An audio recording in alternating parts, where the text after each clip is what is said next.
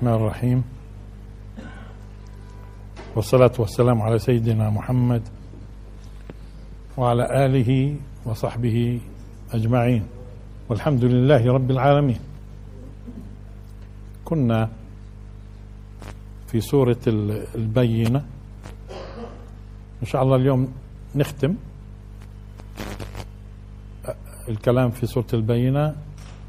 ولكن قبل ما نختم في البينة. في إذا بتذكروا كان في درس في 18 18 8 ألف 2014 18 8 2014 تحت عنوان المسجد الأقصى. المسجد الأقصى شبهات تاريخية ومعاصرة. تحت هذا العنوان موجود على اليوتيوب. هذا الدرس إذا في 2014 شهر 8 وفي حينه ناقشنا ادعاءات كانت آه، موجودة من آه، قبل كاتب معين وبينا في حينه إنه آه، أفكار هذا الكاتب مأخوذة عن شخص اسمه مردخاي كيدار. في الاستخبارات الإسرائيلية وأيضا عمل في جامعة بار إيلان كمحاضر. ورجل حقود على يعني على العرب والمسلمين بشكل عجيب. عنه أخذ كاتب مصري اسمه هشام في حينه تحدثنا. أقصد طب شو اللي جاب هذا الكلام اليوم؟ شو اللي جاب هذا الكلام؟ على اعتبار إنه بعض الفضائيات استضافت شخص آخر. وكرر نفس الكلام. وكمان جريدة اليوم؟ آه. وبيحاولوا يعني آه يروجوا لهذا الكلام بطريقة أو بأخرى. وباختصار الزعم اللي بيزعموا ذاك قديما أو كيدار اللي في الاستخبارات الإسرائيلية إنه المسجد الأقصى هذا الذي اللي في القدس مش هو المسجد الأقصى. طيب ماشي. نفرض إنه مش هو المسجد الأقصى اللي في القدس. طب وفلسطين؟ مش هي فلسطين؟ واهلها هذول الموجودين مش هم أهل فلسطين؟ يعني إذا طلع الأقصى مش في القدس. طب وفلسطين؟ برضه بجوز ما تطلعش بآسيا. بجوز بفلسطين يطلعوها في مكان ثاني مشان يحلوا المشكلة. مشان يحلوا. أني مشكلة؟ مشكلة إنه إسرائيل بدها يعني يكون لها الحق لوحدها والى آخره وما حدا يفكر في عدوانها وطردها للشعب الفلسطيني ولا تزال هي أصلا اللي هي السلام اللي قال بتنطنوا فيه هي اللي بترفضه قاعدة برجلها كمان إسرائيل. يعني قديش هم بيكونوا حقيرين كمان. وهي إسرائيل يعني برجلها بت... ادعاءاتهم بترفضها. طيب ففي كاتب كاتب مصري اسمه يوسف زيدان آه بتنطلونه في إنه قال رد كرر نفس الكلام. لذلك اللي بحب إنه لأنه طلبوا مني بعض الأخوة إنه قال رد إحنا بدنا كل تافه كل تافه يتكلم الرد ليش؟ لا هذه حلها دائما بالو بال بالتثقيف الصحيح والوعي وخلاص. لأنه سبق قلنا أكثر من مرة يعني الجسد الجسد البشري آه، بتكون مناعته قوية خلاص. في حولك أصلا أنت كثير. جراثيم ولولبيات وفيروسات وكذا. طب إيش الحل؟ كيف بدنا نبيد الفيروسات واللولبيات والبكتيريا الضارة. كيف لا لا قوي مناعتك أنت. مناع مناعة الجسد وخلاص. فهي المناعة بالثقافة والوعي. لكن الآن طبعا الآن مش رح نرد على زعم الرجل زي ما قلنا لأنه أصلا كنا متحدثين عن تفاهتهم هذه في المحاضرة في 18 8 2014 بس الآن ثم هذا اللي اسمه يوسف زيدان طبعا هو قال عن نفسه أنه كاتب تقريبا 3000 صفحة. آه 30000 30000 صفحة. يعني شو يعني هذه؟ هذه بتسوق يعني ال 30000 صفحة؟ إحنا قلنا مرات مرات بيكون 10 صفحات خير من 30000 صفحة. آه 10 صفحات. ليش شو باقي أبحاث أينشتاين في بعض المسائل؟ يعني كم صفحة كاينة؟ ها؟ وفي ناس بظنوا إنه كل ما كثرنا معناته هذا آه، أخرى هو بقول إنه هو كاتب ثلاثين ألف صفحة. طيب هذا هذا بيجعلك يعني طبعا هذا الرجل يعني درس فلسفة ودرس وكتب في التصوف الإسلامي وأيضا له في الأدب قصص. تمام؟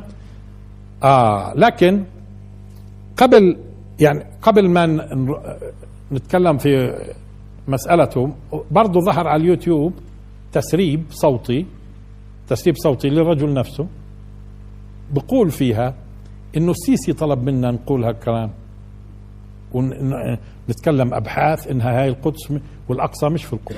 السيسي قايل لهم. في تسريب الآن برضه طيب. اذا هذا حتى حتى يفهموا بعض الأخوة إنه مش كل شغلة تافهة إحنا بدنا نرد عليها. هذا ما نلحقش إحنا بدنا نعلم الناس الإسلام ولا نقعد ندور على التافهين إيش بيقولوا؟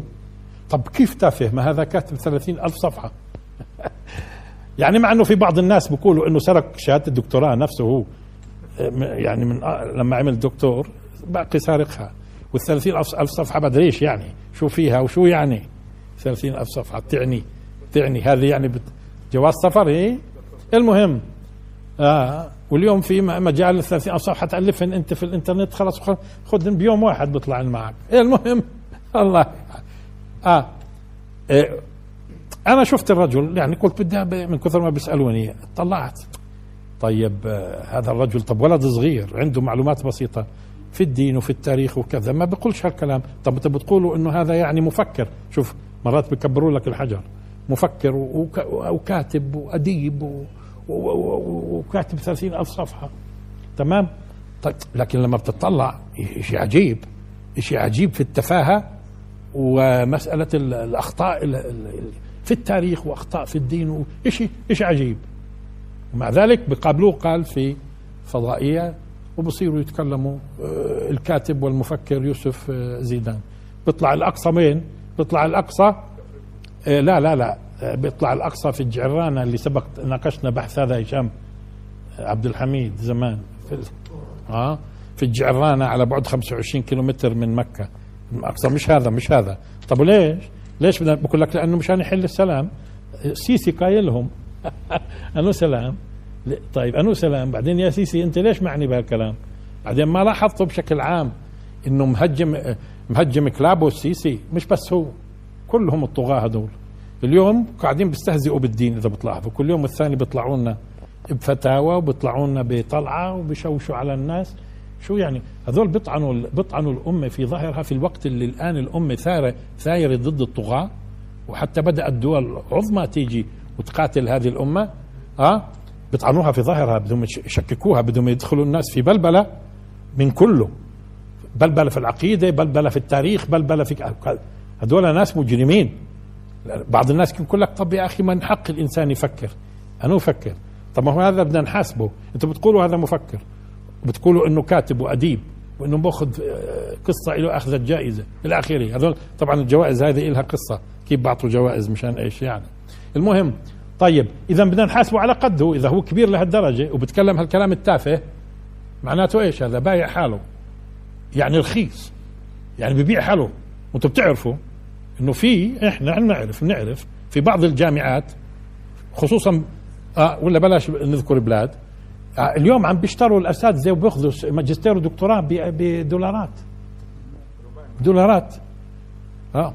فبالتالي يعني متعودين على أمثال هذا إنه يبيع نفسه لسيسي ويبيع نفسه لغير السيسي وشو بيقبض وشو بيخاف وشو ما بيخافش وشو بده يمالئ وشو بده ينافق هذا موضوع ثاني. بس بس الجميل في الموضوع إنه هدول الناس لما بيتكلموا مش هالشيء المتزن مش هالشيء يعني العميق الشيء مكشوف. طبعا ليش مكشوف على فكرة؟ إنه واحد من اثنين يا إما إنه هو الرجل هذا تافه وأهبل ويعني بالعلم بيعرفش شيء آه؟ وبيعرفش شيء آه، أو أو لا بيعرف بيعرف لكن الإسلام هو الماكن. الإسلام هو الماكن فهو لما بده يزور بتكون مكشوف المسألة. طب ما هو مضطر السيسي قايل له بدنا آه، محاضرات وكذا طبعا هو السيسي بيكون طالب من غيره كمان. طالب من مشايخ وشفتوهم أنتم. طيب من مشايخ وغير مشايخ ها؟ وقادة أحزاب ومفكرين ولا ها؟ ها طيب طيب هذول قال يعني بيجوا الآن في. في لما الأمة بتخوض معركة ضد الاستبداد وضد الدول المستعمرة بطعنوها. هدول مجرمين على فكرة. ما بصير نقول والله هدول مفكرين. إيش المفكرين هذا؟ إيش المفكر لما تكون بايع حالك أنت؟ بايع حالك وبتتكلم وبتناقش البدهيات. طب ما هي أوروبا اللي هي أوروبا آه, آه, آه على فكرة. كم من واحد انسجن لأنه شكك في شكك في محرقة هتلر اللي قالوا عنها الهولوكوست وأنه كم يهودي اللي انحرق. وفي الآن مؤرخ مؤرخ بريطاني كبير سجنوه لأنه شكك وشكك كيف يعني؟ ناقش مناقشة عقلية ومنطقية وعلمية ونفس الشيء الفيلسوف الفرنسي روجيه جارودي برضه بهدلوه لأنه شكك في المحرقة. وجارودي قال يعني تقريبا مليون اللي انقتلوا مش ستة. وعلى هاي حكموه حك... وقال بعطي أدلتي أنا. وفيش شيء اسمه محارق الغاز اللي بتقولوا عنها فيها إلى آخره. ما قبلوش منه هالكلام. وهدول هالتافهين الآن تافهين في لحظة إنه الأمة بتخوض معاركها المصيريه ها طلعت هذه الكائنات إيش تعمل؟ ها بتبيع حالها قال مفكرين ببيعوا حالهم من أجل إنهم يكونوا يكونوا إيش؟ دعم لسياسات الطغاة. ثم السيسي هذا السيسي هذا اللي بده يدافع عنه طيب ببساطة ما هو انكشف أمره. كيف انكشف أمره؟ لما طلبوا من الناس ينزلوا الانتخابات شوف شفتوا أنتم الشعب المصري؟ ولا عمره حصل في دولة بجوز في العالم حسب ما بتذكر مثل ما حصل من المقاطعة من قبل الشعب المصري. خلاص هيا اتضحت. كل اللي بكذبوا إذا كل اللي بكذبوا سواء كان مسافرين راحوا على مصر واجوا وكذبوا علينا وقالوا لا الأمور ماشية تمام. أو اللي بيكتبوا أو أو أو كلهم كذابين هذول الثلاثه ما شفنا الشعب المصري لما قالوا لهم انزلوا حتى بابا الاقباط قال للمسيحيه انزلوا. بعدين شفنا شفنا ما حدا بينزل يعني. مين اللي بينزل؟ مين اللي بينزل؟ لا شو معناته؟ كيف الشعب المصري كله الملايين الهائله هاي كلها رفضت؟ شو المعنى هذا الكلام؟ شو معنى هذا الكلام؟ معنى هذول معناته الجواسيس هذول الآن في مأزق. في مأزق وعلى فكرة الأمور مش رح تنحل. إلا صح. ما تظنوش إنه يعني الأمور تستقر لهم. كن قال لك أنت بهذا الطريقة بتدمر البلاد بدمر البلاد. طب انزل أنت عن الكرسي أسهل. مشان ما تتدمرش البلاد. شفتوا هل شفتوا هالشياطين العجيبة؟ قال بتتدمر البلاد. طب انزلوا. انزلوا عن الكرسي وسلموها لناس محترمة تثق فيها الناس وخلاص تتدمرش البلاد. لا. شو معناته بتتدمر البلاد؟ يعني يا إحنا يا بتتدمر البلاد. ولذلك بعض الناس اللي اليوم بيشككوا في ثورات الشعوب هذول بنفس المسار سواء كانوا بيعرفوا أو بيعرفوش. قال يعني هذه مؤامرة على الأمة. طب ممتاز. مؤامرة من قبل مين؟ من قبل مين؟ لأنه إذا الحاكم الحاكم نفسه مش عم بحلها من عنده. مشان ما تصيرش المشاكل. إذا مين اللي بتآمر قاعد؟ مين اللي بتآمر؟ إذا هو بحلهاش. إذا هو بحلهاش. طب ما كانت في مصر هديت وكل شيء تمام والشعب نزل واختار وخلصنا وبدها تمشي العجلة. دخلوا على الخط ليش؟ إذا مين اللي يتآمر؟ مين يتآمر؟ ولحد الآن ما هيش هادية. لا في ليبيا ولا في يمن ولا في سوريا. ولا في مصر. إيش يعني هالكلام هذا؟ لا لا ولا يعني تونس عارفين ليش هدت فيها؟ الإسلاميين قالوا لهم يا أخوي خلص خذوها وخلصونا بدناش إياها. هديت. ولا هو نفس الطريقة. شو بالكم أنتم شو بالكم هذول متسلطين على رقاب الأمة؟ لولا إنه جماعة الغنوشي قالوا لهم أكلكم بدناش إياها هاي طلعنا منها. وأعطوهم إياها. ما هي نفس الشيء كان. ما نفس الشيء كان. مش هذا اللي حصل؟ مش هذا اللي حصل؟ طيب اذا شو اذا عندكم أنتم الآن مجرمين هذول عملاء هذول على فكرة كلهم عملاء متآمرين على الأمة. وكيف الناس اللي قاعدين بيقولوا هاي ثورات الشعوب مؤامرات دولية؟ أني دولية؟ ليش هو في أسوأ من الحكام هذول؟ في استعمار على وجه الكرة الأرضية أسفل من من حكامنا دول أسفل من اللي موجود في في في آه، في سوريا؟ ولا من اللي في الأردن؟ ولا من اللي في مصر؟ ولا من اللي آه، اللي في اليمن هذول لحد الآن بعد ما الناس هديت ردوا صاروا بدهم يسيطروا على الناس بقوة السلاح؟ إيش هذا؟ إيش هذا؟ إيش هذا؟ إيه فبالتالي آه الآن الآن بسموا حالهم مفكرين الآن. يا أخي وهذا حرية الرأي. رأي أنو رأي هذا؟ أنو رأي هذا اللي بخون الأمة هذا؟ أنو رأي اللي بخون الأمة؟ ولذلك هذول الناس راح يدفعوا ثمن. اللي بيظنوا إنه سيسي بدوم ولا أسد بدوم؟ ما أنتم شفتوا مفتي برضه الأسد. كيف مسلم حاله؟ وكل بلد كل بلد بنفس الطريقة. كل بلد بنفس الطريقة على فكرة من فقهاء السلاطين. أي واحد على فكرة بتشوفوه مع السلطان معناته إنسوا. هذا أصلا هذا أصلا ما له قيمة كعالم. ما له قيمة كعالم اطلاقا. لأنه سبق قلنا السلطان ذئب العلماء. هذا لما يكونوا علماء. كلهم تافهين إذا بتلاحظوا. حتى يا سبحان الله ما عندهم مش القدرات في كل المجالات. ما عندهم مش القدرات. لا إعلامهم لا اعلامهم متزن ولا قدرتهم في عالم الاقتصاد متزنة. واصلا في العسكر كمان ما أنتم شفتوهم زمان. خلال ست ست أيام كانوا إيش؟ كانوا حايزين على إيش؟ على رقم قياسي في الركض في الركض ويقطعوا سينا ويقطعوا ويقطعوا كل الأماكن هاي. فرغوا هاي البلاد على فكرة. شيء قياسي. أي جيش بده ينسحب انسحاب عادي. بده أشهر. كيف قدروا هذول بأرقام قياسية من جولان ومن الضفة الغربية ومن سيناء يطلعوا كلهم؟ بايام وإحنا شايفين اليوم شعوب قاعدة بتقاتل دول عظمى. شو كانوا يعملوا هذول معناته؟ مين هم؟ مين هم هذول؟ مين هم اللي بيرجعوا في الأمة اللي هي أفضل أمة على وجه الكرة الأرضية لما هي يتاح لها المجال أمة بتجمعها عقيدة وأخلاقيات وإلى آخره. وهي بينهضوا. هذول محطوطين يبدو مشان يضبطوا تطور الأمة. فبالتالي هذول الناس اللي بقول لك إنه الآن مفكرين وغيرهم هذول على فكرة رح يدفعوا أثمان هائلة لانهم هم الآن بظنوا إنه هذا سيسي وغير سيسي باقي. بكرة بتفاجئوا بكرة بتوبوا على فكرة بكرة بتوبوا. لكن مين قال لكم إنه القاتل تقبل توبته عنا إحنا؟ عند الله إذا بده يقبلها الله. أما إحنا إحنا نقبل توبة القاتل ليش؟ ليش؟ ليش تقولوا لي هذول قاتلين؟ أول ناس قاتلين على فكره ومجرمين هم الإعلاميين والمفكرين هذول. هذول أخطر ناس وهم المجرمين الحقيقيين. لأنه بدونهم ما بيستطيع ما بيستطيع الطاغية يقتل ويبشع بدون هذول الناس.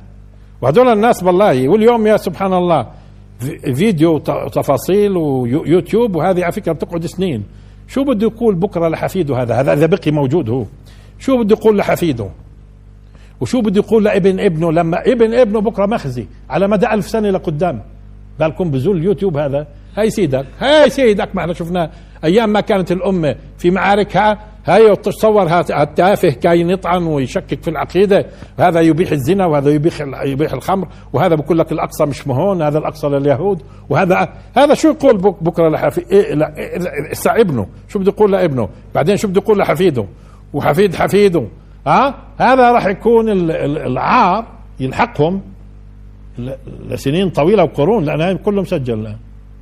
كله مسجل بصيروا الناس يتسلوا بكرة على أمثال هؤلاء إذا بظلهم موجودين الساعة كمان. ها؟ إذا بظلهم موجودين. آه بكن قال لك مفكرين. آه فبالتالي اذا اللي بده آه يعني يأخذ فكرة بيرجع لقضية الدرس اللي قلنا عنه 18 8 بعنوان المسجد الأقصى. يعني شبهات معاصرة آه تاريخية ومعاصرة. طيب نرجع إذا للتفسير يرجع للتفسير. مفكرين. أه، بس بدي تنتبهوا لمسألة مهمة. الغالبية العظمى من العلماء الحق مش هيك. لأنه هدول لما تعدهم في كل بلد بنعدوا على الأصابع. صحيح؟ لو بدك تعدهم في كل بلد التافهين هدول الساقطين بتعدهم في كل بلد معدودين على الأصابع. معروفين. فلان فلان فلان فلان فلان فلان فلان. طب وعلماء الأمة كم هم؟ علماء الأمة كم؟ هم هم بالملايين الآن. بالملايين. يعني لما نلاقي لنا التوافي هذول ببيعوا ببيعوا ببيعوا ببيع كان قال لك أنا مالي مالي 30 ألف كتاب. طيب وبعت حالك بكم؟ بعت حالك بكم؟ تمام. آه طبعا التافهين مش ببلد محدد. نيجي نقول في إنه هذا الشخص مثلا من مصر لا. ليش وفي في سوريا ما فيش؟ وفي الأردن ما فيش؟ وفي العراق ما فيش؟ وفي آه، تونس ما فيش؟ وفي في ما فيش؟ وين؟ أنا بلد بتخلو من التافهين؟ أنا بلد بتخلو من التافهين؟ مين؟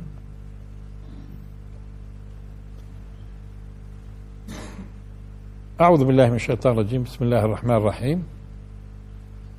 لم يكن الذين كفروا من أهل الكتاب والمشركين منفكين حتى تأتيهم البينة. رسول من الله يتلو صحفا مطهرة فيها كتب قيمة. فيها كتب قيمة. وما تفرق الذين أوتوا الكتاب إلا من بعد ما جاءتهم البينة. لحد هون إحنا فسرنا مش هيك فسرنا. لا شر البرية إحنا نعم اخترناها مشان لمناسبة الكلام اللي كنا بدنا نقوله. فاليوم مش راح ندخل في موضوع برضه شر البرية لأن تحدثنا عن شر البرية وشر البريئة. وما أمروا إلا ليعبدوا الله. مخلصين له الدين. يعبدوا الله. مخلصين له الدين. حنفاء. ويقيموا الصلاة ويؤتوا الزكاة. وذلك دين القيمة. أولا وما أمروا إلا. وما أمروا إلا. يعني كانوا مأمورين فقط بهذه الأوامر. طب هم ما كانوش مأمورين بغيرها؟ وهون على فكرة الأمر هون الأمر مش بالمعنى في علم ما يسمى أصول الفقه. لا هون الأمر ممكن يكون كمان نهي لأنه لما هو بقول لك لا تفعل هذا أمر. أمر ولا مش أمر؟ لا تفعل. في, في, في يعني من ناحية لغة. لا تفعل. افعل أمر ولا تفعل أمر. تمام؟ على مستوى افعل ولا تفعل. هذا كله أوامر. تمام؟ طب هم أمروا بهاي فقط؟ لاحظوا إنه هو الآية مش وما أمروا إلا أن يعبدوا الله. لحظة. هي الآية وإن كان بعض الناس بيقول في قراءة طبعا فيش شيء اسمه قراءة متواترة. أه. إلا بهالطريقة لحظة. وما أمروا إلا أن يعبدوا الله؟ لا مش هيك الآية. دققوا معي. وما أمروا إلا لي. وما أمروا إلا لي. انتبهتوا للفرق؟ مش وما أمروا إلا أن. وما أمروا إلا لي من أجلي ليه هذه لام الغاية. العلة يعني. العلة. وما أمروا إلا ليه العلة. طيب شو يعني؟ يعني كل ما أمرناهم فيه أمرناهم به أمرناهم به كل ما أمرناهم به من أجل تحقيق الأمور التالية. وهذا في الدين كله. في كل أوامر الدين من أجل هاي الخمسة. كل أوامر الدين لذلك لاحظوا وما أمروا إلا إلا لي. شو يعني لي؟ بده يتحقق الأمور. يعني في النهاية النتيجة والثمرة اللي بدها تنتج عن كل أوامر الدين سواء كان القدماء أو إحنا.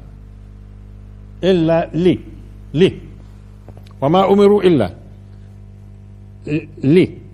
يعبدوا الله. مخلصين له الدين. حنفاء. ويقيموا الصلاة ويؤتوا الزكاة. وذلك الثمار هاي الخمسة ما كيف بدك تحصل هاي الخمسة؟ كل أوامر الدين سواء كان افعل ولا تفعل وتشريعاته لتحقيق هذه الأمور الخمسة. في النهاية وإذا وصلت الناس لهاي الثمرات الخمسة الناتجة عن الأوامر. الثمرات الخمس الناتجة عن هذه الأوامر بيكون لاحظوا؟ ويقيم الصلاة ويؤتوا الزكاة وذلك دين القيمة. دين الأمة القيمة. دين طب سبق إنه بحثنا إيش قيمة. لاحظوا هذا دين الأمة المستقيمة. وقلنا لما تكون في غاية الاستقامة معناته هي لها قوامة. وهي قوامة على أساس أنها هي قيمة على مصالح البشر. وقيمة على الأفكار وقيمة لتصحيح الانحرافات وتعديل المسارات. هذه الأمة القيمة. إذا هذه الأمة القيمة لحظة وما أمروا به وما أمروا إلا ليه؟ نيجي واحد واحد.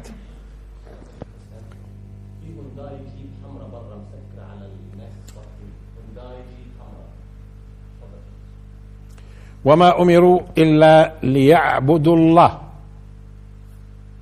العبادة. مخلصين له الدين. خلينا شوية نفرق بين العبادة والدين. لأنه مرات ممكن يصير التباس. إيش عبادة؟ إيش دين؟ الآن بديش أخذ العبادة بالمفهوم الاصطلاحي بعدين بنبين إنما باللغة يعني باللغة. أحيانا بيلتبس فهم الدين وعلاقته. وفهم العبادة إنه في تقارب كبير على فكرة بين آه، عبده آه، العبادة والدين. لأنه لاحظوا العبادة فيها خضوع استسلام انقياد. هذا موجود في العبادة مش هيك؟ في أصل اللغة. الخضوع التسليم انقياد. طب هذا موجود في الدين. خضوع تسليم انقياد. وبالتالي ممكن يلتبس معنى العبادة بمعنى الدين. الدين. طالما هون خضوع انقياد واستسلام في العبادة. وهون خضوع استسلام انقياد في التنتين. طب إيش أفرق الدين عن العبادة الآن؟ إيش بفرق الدين عن العبادة؟ لاحظوا إيش بفرق الآن. إنه في في العبادة الخضوع والاستسلام والانقياد هو لعقيدة أو شريعة أو منهج. هذا في إيش؟ لا معناته أنا غلطت. هذا في إيش؟ في الدين. إذا الدين إيش؟ أنا قلت العبادة؟ لا. الدين شو هو الدين إذا هو خضوع واستسلام وانقياد لي لإيش؟ شريعة عقيدة آه، منهج. منهج. ماخذه أنا ماخذه ومنقاد له مستسلم وخاضع. شو اسمه هذا؟ دين. دين. بدين نفسي فيه. بخضعها إله بجعلها تستسلم إله وتنقاد له. أنا بدين نفسي لهذا الدين. هذا الدين. وأما العبادة وأما العبادة اللي فيها خضوع واستسلام وذل وانقياد فهي لطرف ما. ممكن يكون هذا الطرف سيد كما يخضع العبد لمين؟ لسيده. لسيد. ممكن يكون لله. شوف في طرف الآن. مين هو الطرف هذا اللي أنت في قضية العبادة بتخضع له تستسلم له بتنقاد له؟ ما هو دير بالكم. يبدو لازم تخضع. فيش مجال. فيش مجال إلا تخضع. لذلك دائما الشرف وين؟ إيه أنا بخضع للخالق وخلاص. للخالق هذا شرف خضوع للخالق. واللي ما بيخضعوش للخالق على فكرة إلا تلاقيهم خاضعين لملك لسلطان لزوجة لزوج. هو برضه بالعكس كمان. لزوجة لزوج إلى آخره لمصالح لمصالح لرواتب لوظيفة لما هو طيب يعني مستعد يذل قصدي من أجل هذا الكلام كله وينقاد ويخضع ويرتكب خلاف ما يؤمن به من أجل هذا. إذا هو انتبهنا بالنسبة للفرق بين الدين وال والعبادة؟ العبادة إذا خضوع واستسلام وانقياد لي. لمين؟ لاحظوا لمين؟ الله ولا للمولى؟ ممكن يكون مولى بني فلان. ولا لا سيد من الأسياد؟ ولا ملك من الملوك؟ ملك من الملوك؟ ممكن قال لك أوامر. أوامر. اقتل أمك وأبوك بقتلهم. أوامر. تمام؟ هذا في في ثم لما أنا بتلقى منه كمان بتلقى منه ديني برضه هذا عبادة. لما لأني خضعت له أنا في اوامره ونواهيه تشريعاته بتلقى منه ديني. برضه هذه عبادة. برضه هذه عبادة. بتلقى منه. طب شو هو ديني؟ وما أخضع له وأنقاد وأستسلم لعقيدة أو شريعة أو منهج قانون آه بصير دين. ما كان ليأخذ أخاه في دين الملك. في قانون نعم خاضع له الملك وزمان قانونهم كان أكثر عادات وتقاليد نابعة عن عقائد. عادات وتقاليد وكذا. في دول الساعة معاصرة دول معاصرة دول معاصرة لا يزال القانون فيها يعني بالذات بريطانيا ما أدري إذا قننوا الآن ولا لا. إنه كثير من قوانينها هي أعراف. أعراف. أكثر من إنه قانون. مقنن. آه وبالتالي زمان مش كانوا يقننوا هم. خلص عندهم عقائد وعادات وتقاليد وكذا. خلص بيخضعوا لها الناس وبيستسلموا. آه وعن قناعة. عن قناعة. عن قناعة. اذا وما أمروا إلا ليعبدوا الله. مخلصين له. لأنه ممكن تعبده ممكن تعبده أو ممكن هو يعبده ويعبد كمان مع آلهة أخرى. ما حتى اللي بيقولوا الأب والابن والروح القدس هاي في أب بيعبدوا. الله. والابن كمان. مش هيك؟ هذه قضية الشرك ما هو أصلا إيش؟ ما نعبدهم. شو كانوا يفلسفوها زمان؟ ما نعبدهم إلا ليقربونا إلى الله. دائما في إله أكبر على فكرة. كانت الأمم المشركة تؤمن بإله أكبر الله. الأمم المشركة. لذلك كنت إذا بتسأل المشركين مين خلقهم؟ يقولوا لك الله زي ما قال القرآن. ولئن سألتهم من خلقهم ليقولن الله. طب مين خلق السماوات والأرض؟ الله. طب وهاي هذه واسطة وسيلة تقرب إلى آخره. تفلت واليوم؟ آه. واليوم صرتوا تسمعوا حتى في بعض الفرق اللي بتكون عن حالها مسلمة.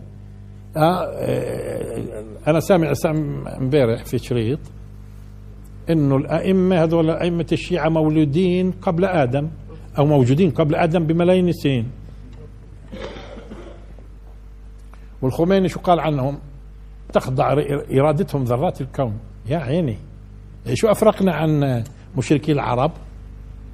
شو أفرقنا عن مشركي العرب؟ إنه يعني الهبل واللات والعزى كانت بس حجارة أما هذول الأئمة كانوا بيمشوا على رجليهم. هاي الفرق؟ تفاصيل طويلة. آه آه. وبظنوا ما إحنا قلنا إنه الأمة الأمة معصومة؟ لا الرسالة المعصومة. المو... الرسالة المعصومة مش الأمة. الأمة مين قال؟ ما هي ما, ما هي ضمن الاختبار. ليش الفرق؟ ما كل كلهم بشر. كلهم بشر. كلهم خلق الله وعباده إيش الفرق بين أمريكي وروسي وإنت وهو وكذا الأخير؟ ليش؟ ليش؟ ليش؟ كله ضمن الاختبار والابتلاء. وفي النهاية الحكم آه، على الناس كيف تصرفوا. طيب الآن ليعبدوا الله. مخلصين. ها, ها انتبهتوا ليش تكلمنا عن الشرك؟ شو شو الإخلاص على فكرة؟ شو هو الإخلاص؟ اولا فيه تنقية. انت لما تخلص شيء من شوائب لما تخلص شيء من شوائب آه، هون إيش بصير؟ هو خالص.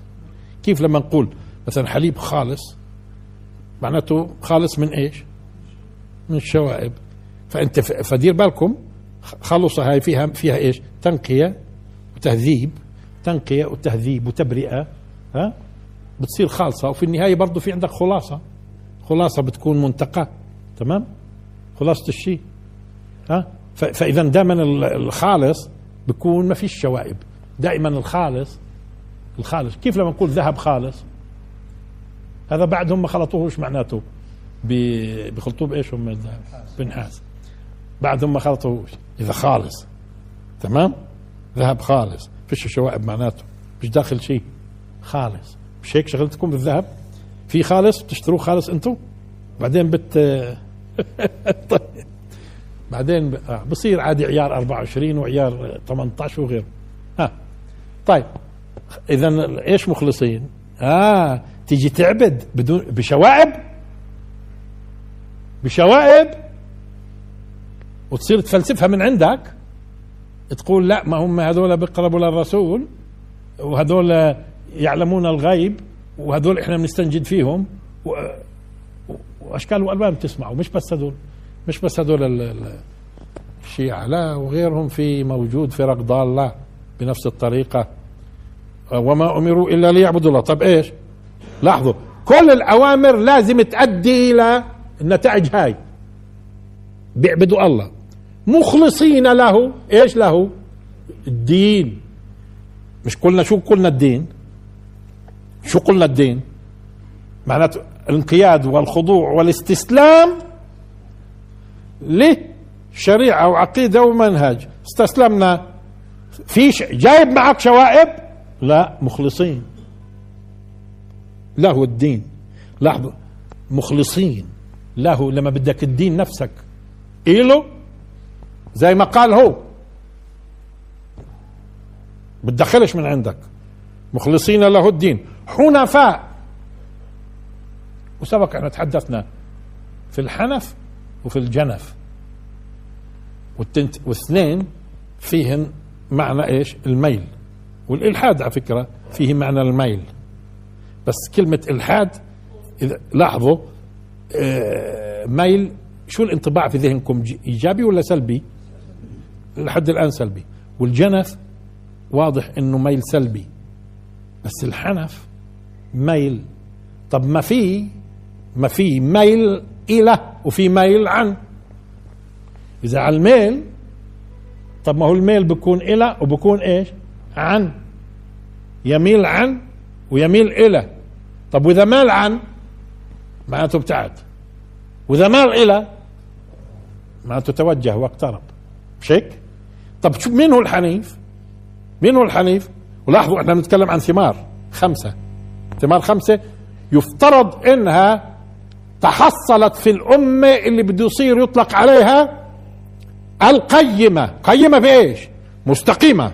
اثنين هي المؤهلة أن تصحح الأخطاء وتحكم وتصحح المسار. قيمة. تمام؟ لما تأخذ كل هذه الأوامر شفتوا هذه الثمار ولا ما شفتوهاش؟ يعبدوا الله. شفناهم. مخلصين له الدين. وفهمنا شو دين. ما هو فهمنا شو عبادة وفهمنا شو دين. ليش ميزنا الآن بين عبادة ودين؟ الثنتين فيهن خضوع واستسلام وانقياد. لكن في إيش؟ اتجاه الله هذا شو سميناه؟ عبادة. واتجاه المنهج والعقيدة والشريعة شو سميناها دين. مخلص. اذا إذا معناته ما كررناش هون. ليعبدوا الله. ما كررناش. مخلصين له إيش؟ الدين. في في العقيدة والشريعة وفي المنهج. مخلصين له الدين. حنفاء. قلنا الحنيف إيش؟ المائل. المائل عن إيش؟ آه مائل عنه مائل إلى. الحنيف هو اللي دائما مائل عن الباطل مائل إلى الحق. وين ما بتشوفوا وين ما بتشوفوا بتجدوا دائما ينفر من الباطل يميل عن الباطل ويقبل وين في حق بيقبل عليه. هذه من الثمار على فكرة. هذه الثمرة النهائية المطلوبة. انه يكون هذا هو. وبالتالي اليوم اللي أنتم شايفينهم قاعدين بيبرروا بيبرروا للطغاة والمجرمين. هذول بيسموا حالهم مسلمين؟ وين الثمرة هاي؟ اللي انت دائما مائل عن الباطل مائل إلى الحق. مائل عن الباطل مائل إلى الحق. وينه هذا؟ وينه؟ هذا الحنيف. وعلى فكرة يعني هي آه، حنيفا وردت تقريبا أظن في القرآن عشر مرات. عشر مرات. سبعة منهن مذكور إبراهيم عليه السلام خليل الرحمن في حنيف. سبعة منهن عشر مرات حنيف مفردة. وحنفاء يبدو مرتين هي 12 تقريبا.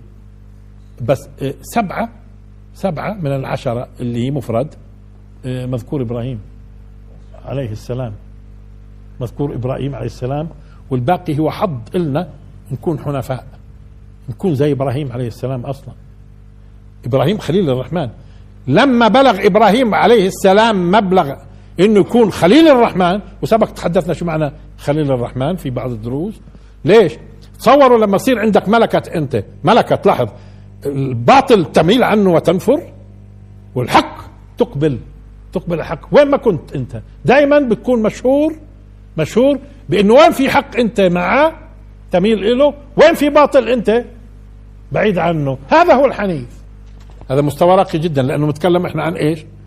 وكل الأوامر الربانية من أجل هذا. وما أمروا إلا لي. يعبدوا الله مخلصين له الدين حنفاء. ويقيموا الصلاة. أنت شو انتبهنا ما إحنا بنعرف في قضية أركان الدين. أركان الإسلام. مش هيك أركان الإسلام. بيجي بعد الشهادتين إيش؟ الصلاة. اللي هو عمود الدين. طب ليش ليش ويقيموا الصلاة؟ ويؤتوا لاحظوا ويؤتوا الزكاة. الزكاة. شو قضيه قضية التضامن التكافل الاجتماعي. يعني مسألة مهمة جدا. ما هي هي لها تفصيلات. هي لها تفصيلات. موضوع الزكاة ومستويات الزكاة. المستوى المفروض والمستوى دون المفروض إلى آخره. الزكاة وكيف يعني هذول التنتين مهمات كثير ودائما بتلاحظوا القرآن بقرنهن مع بعض. يقيموا الصلاة وأقيموا الصلاة وآتوا الزكاة. أقيموا الصلاة آتوا الزكاة مع بعض. طب هذا هذا على فكرة لأنه هذول التنتين يبدو ضمانة ضمانة. إذا وصلنا وصلنا إلى هذه الدرجة الثمرات هاي على فكرة هذه من الضمانات إنك ما تتراجعش. ما ترجعش لورا. إن الصلاة تنهى عن الفحشاء والمنكر. إن الصلاة تنهى عن الفحشاء والمنكر. تنهى. كيف تنهى؟ من الأمور العجيبة أنه لاحظ لما تكون على أساس. فتصور لما يكون اذا اذا وما أمروا وبده يقول لنا كل الأوامر اللي أمرناهم فيها من أجل يتحقق هذا. طب في أهل الكتاب في أهل الكتاب لما أمرهم عبدوا الله مخلصين له الدين وحنفاء ويقيموا الصلاة ويؤتوا الزكاة. صارت دولهم الآن. الدول ممكن تحقق شيء من التكافل الاجتماعي. وهذا عار على المسلمين. اللي بعدهم بزعموا أنهم مسلمين. إنه بتكون مثل هذه الدول اللي خرجت عن دينها فصارت متكافلة. خرجت عن دينها فصارت متكافلة على مستوى التكافل الاجتماعي. ومحاربة الفقر وإن كان طبعا ما حاربت الاثراء الفاحش وجعلت الناس صحيح إحنا قلنا إنه ممكن هم وفروا وفروا لشعوبهم العيش إنه خلص ما يكونش في فقر مدقع وتفاصيل لكن في النهاية بعض هذه الدول إيش بيكونوا الناس؟ الناس عبيد عند الأغنياء ولذلك سبق وبدي أكرر كمان مرة كنت في يوم من الأيام أقول سبعة ونص في المية من الشعب الأمريكي يمتلك تسعين في المية من الدخل القومي. بعدين صرت أقول خمسة في, خمسة, خمسة في المية من الشعب الأمريكي يمتلك تسعين في المية من الدخل القومي. بعد سنين صرت أقول ثلاث في المية. بعد كذا شيء عجيب الآن. كل ما بالها بتروح وين الشغلة؟ بتروح وين؟ بتروح في اتجاه آه، مركزة رأس المال في أيدي قليلة وباقي الشعوب هذه الملايين كلها إيش؟ كلها آلات بتعمل وبتصب وين؟ بتصب في برضه يعني حتى لو أوجدوا تكافل في خلل في خلل كبير من جهات أخرى من جهات أخرى. لكن المسلمين لما يجوا يقارنوا أنفسهم اليوم أنتم في القرن الواحد وعشرين بالمسلمين قديما فيش حدا كان يجوع في بلاد المسلمين لعلمكم بالمرة فيش حدا كان يجوع. هذا زمان. أيام هشام بن عبد الملك أيام هشام بن عبد الملك الأموي الأموي ها؟ آه كان الأعمى الأعمى الدولة تدفع ل... لشخص يقوده موظف خصيصا لها الأعمى يقوده وين ما بده يروح يدفعوا له يعني يصير عينين له ولما نيجي نقرأ شو كان عندهم إشي عجيب في التكافل اللي كان موجود في الدولة الإسلامية عبر العصور. وأنا سبق قلت مثلا في زمن صلاح الدين الأيوبي كان في, في الأسواق في في صهاريج صهاريج مملوءة آه، حليب يكون في سهرجين بجنب بعضهم. حليب وصهريج ثاني مليء بالماء المحلى بالسكر. مشان أي واحد ما عندوش في الدار حليب للصغار عنده يجي يأخذ ببلاش. لو اليوم يعملوها عندنا قبل ما يأذن الفجر بيكون الصهريج شو صاير فيها؟ آه. بس الناس غير الناس. الناس غير الناس. الناس غير الناس كانت. ولما تيجي تقرأ في قضية آه، التكايا والمسائل هاي والأكل ويأخذوا الناس وكذا في القدس تكية واحدة تكية الواحدة أنا شايف في القدس 1200 مستفيد كان من تكية واحدة في ذاك الزمان 1200 1200 شخص من تكية واحدة. كل يوم بيقدر يجي يأخذ آه، طعامه من التكية. بلاش بلاش. هذا غير المسافر اللي مارق والتفاصيل والاستضافة والأمور. شيء عجيب لما تقرأ في التاريخ الإسلامي وكيف كانت الأمة متضامنة متضامنة. وشو تقيس اليوم؟ اليوم وانت متقدم تقول عن حالك متقدم وتوفرت لك وسائل الاتصال والى آخره وقادر تحل المشاكل. شو شو قصة الأمة؟ حتى تعرفوا إنه هذول اللي فوق على العروش هذول. هذول اللي على العروش هذول موظفين. لحد الآن الأمة ما استقلت. وهيهم لما الشعب بيبدأ يطالب بحقوقه بقتلوه. وبيطلعوا التافهين يقولوا مؤامرات دولية على على لإسقاط الأنظمة. أو أو كان مؤامرات على الجيوش الجيوش العربية. اللي حاميه يعني. الجيوش اللي حمت. الجيوش صاحبة الأرقام القياسية اللي بتعرفوها في 48 و 67 ولا آه. آه. هذا هو هذا هو. بس كله هذا على فكرة. أيوه تظنوش إنه الأمة ممكن ترجع لورا. ما ممكن. ترجع الأمة. بيحاولوا الآن. بيحاولوا وهيهم هاي هم بيطلقوا كلابهم على فكرة يعووا باتجاهات بس هذا كله على فكرة. هذا كله ما بيزيد الأمة إلا وعي. فيش ما أنتوا بتظنوا بيأثر؟ أنتوا بتظنوا بيأثر إلا على التافهين؟ كل هذا الكلام. ما أنتوا شفتوا هاي الشعب المصري زي ما قلنا. قد ما حاولوا معاه وإعلام من هون ومن هون ومليارات تصب وتفاصيل كم واحد راح على ال كم واحد؟ كم واحد راح على الصناديق؟ واللي حملوهم حملوا جابوهم هذول. قد من, من إخلاصهم من كثر ما هم مخلصين. خصوصا هذول من من الرعيل الأول قال النبت القديم هذا أيام النبت القديم. ما دير بالكم ها. إحنا اليوم بنحصد أخطائهم هم.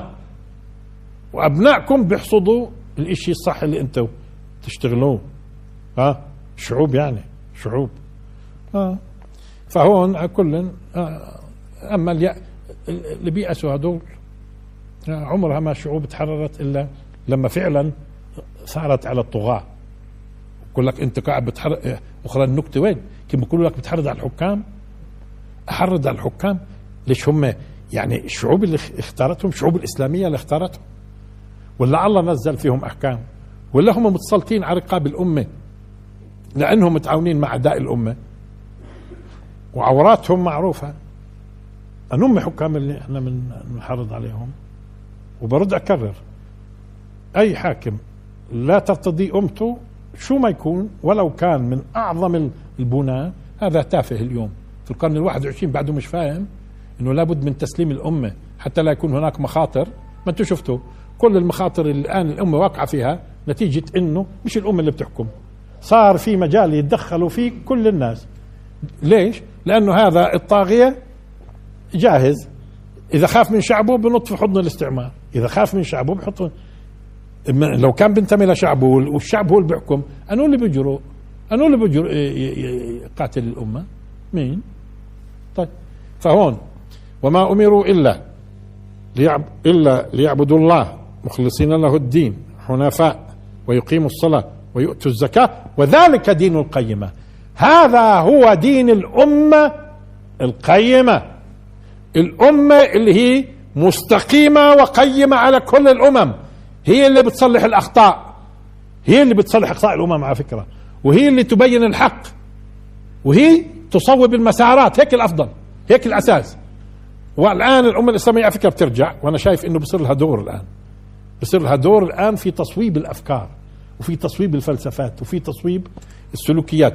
آه والهجمة الشرسة عليها من قبل الطغاة ليش؟ لأنها بتهز عروش عروش طغاة. لو كان عروش العادلين العادلين بالعكس بيعايدوا لأن بيخافوا من إيش هم؟ العادل واللي, واللي أصلا هو ما عندوش لصوصية ولا هو طاغية ليش يخاف؟ ليش يخاف من الحق؟ آه. وبالتالي يبدو أنه حتى تحرير الأمم تحرير الأمم قادم على يد الأمة المسلمة. الأمة المسلمة اللي حلت فيها المصائب في يوم من الأيام من سنين طويلة. حكامها قتلوها فشردوها في سقاع في أسقاع الأرض. وجدناها وين من وجد مسلمين في أسقاع الأرض؟ إيش بدوا بده يكونوا هداة الآن مهديين. في الأول كانوا أميين بس اليوم صار في عندك علماء علماء وناس على مستويات. وين ما هم موجودين بيأثروا قاعدين وبشعوا بيأثروا بشعوا فش على وجه الكرة الأرضية أمة بنفس هذه الأمة. وين ما تواجدوا اليوم لما صاروا في وعي إلا تلاقيه بشع في المكان اللي هو موجود فيه وبيأثر في الآخرين. هذا هو خلاص الأمم هو على فكرة. خلاص الأمم. والآن والآن المشكلة في المركز هون مركز مركز الأمة على فكرة والشام على فكرة بلاد الشام هاي اللي أنتم شايفينها. الرسول صلى الله عليه وسلم إيش قال؟ عقروا دار المسلمين بالشام. وإذا فسد أهل الشام فلا خير فيكم. إذا فسد أهل الشام. لا وهي خيرة الله خيرة أرض الله يجتبي إليها خيرة من عباده. والآن الناس شوي شوي بس زي ما قلنا برد نكرر ما نوزن الناس بميزان الذهب ولكن نحو الأفضل. طب وهذه الكلاب التي تعوي والتافهين اللي بيبيعوا أنفسهم هذا كلام كله. هذا على قارعة الطريق. ما هي على فكرة الكلاب تعوي إيش؟ على المسافر اللي ما في اتجاه الصح. ها؟ في اتجاه الصح. ما ها؟ ها قالوا زمان القافلة تسير. أو, أو الكلاب تعوي. هي تنبح طبعا. عواء الذئب لأنه شك ونباح الكلب. طيب. وما أمروا إلا ليعبدوا الله مخلصين له الدين حنفاء ويقيموا الصلاة ويؤتوا الزكاة وذلك دين القيمة. لا دين القيمة. دين الأمة القيمة. دين مش الدين القيم على فكرة ما هو الدين قيم والقرآن وصف الدين قيم. لما وصف قال الدين إيش؟ ذلك الدين القيم الدين القيم. بس هون وذلك دين القيمة الأمة القيمة الجماعات القيمة. تمام؟ هو الدين قيم أصلا ما هو وصف أنه قيم. مش هيك؟ آه آه والآن ذلك دين القيمة. إيش القيمة؟ خلينا أقرب لكم الصورة شوي. الكيت لما نقول جاءت المقاتلة إيش يعني المقاتلة؟ الجماعات المقاتلة والجيوش المقاتلة. جاءت المقاتلة. مش بنقول المقاتلة؟ وهون الأمة. وذلك دين القيمة إذا لما أقول أنا جاءت المقاتلة يعني جاءت الجيوش المقاتلة جاءت الجماعات المقاتلة. ذلك دين القيمة ذلك دين الأمة القيمة. الأمة المستقيمة القيمة على هي اللي راح تصحح على فكرة. هي اللي راح تصحح مسار كل الآن في الاقتصاد الإسلامي إذا بتلاحظوا هو صحيح بدأت تجربة ما يسمى بمثلا المصارف الإسلامية مع مع كل مع يعني وجود عورات بس مش في كل البلاد مش زي يعني مصارف هون مش زي هون مش زي هون مش زي هون. إلا أنه الآن الغرب بعد الانهيارات 2008 بدأ يفتح على فكرة عيونه على موضوع المصارف الإسلامية مثلا. خصوصا اللي ماشية صح. إنه ليش هاي ما انهارت؟ ليش ما كذا؟ ليش ما كذا؟ ليش ما كذا؟ شيء عجيب. فبدوا فبدوا الآن على فكرة يسمعوا ويقول لك آه ممكن. والله ممكن. وبدوا بدهم يأخذوا من الإسلام على فكرة.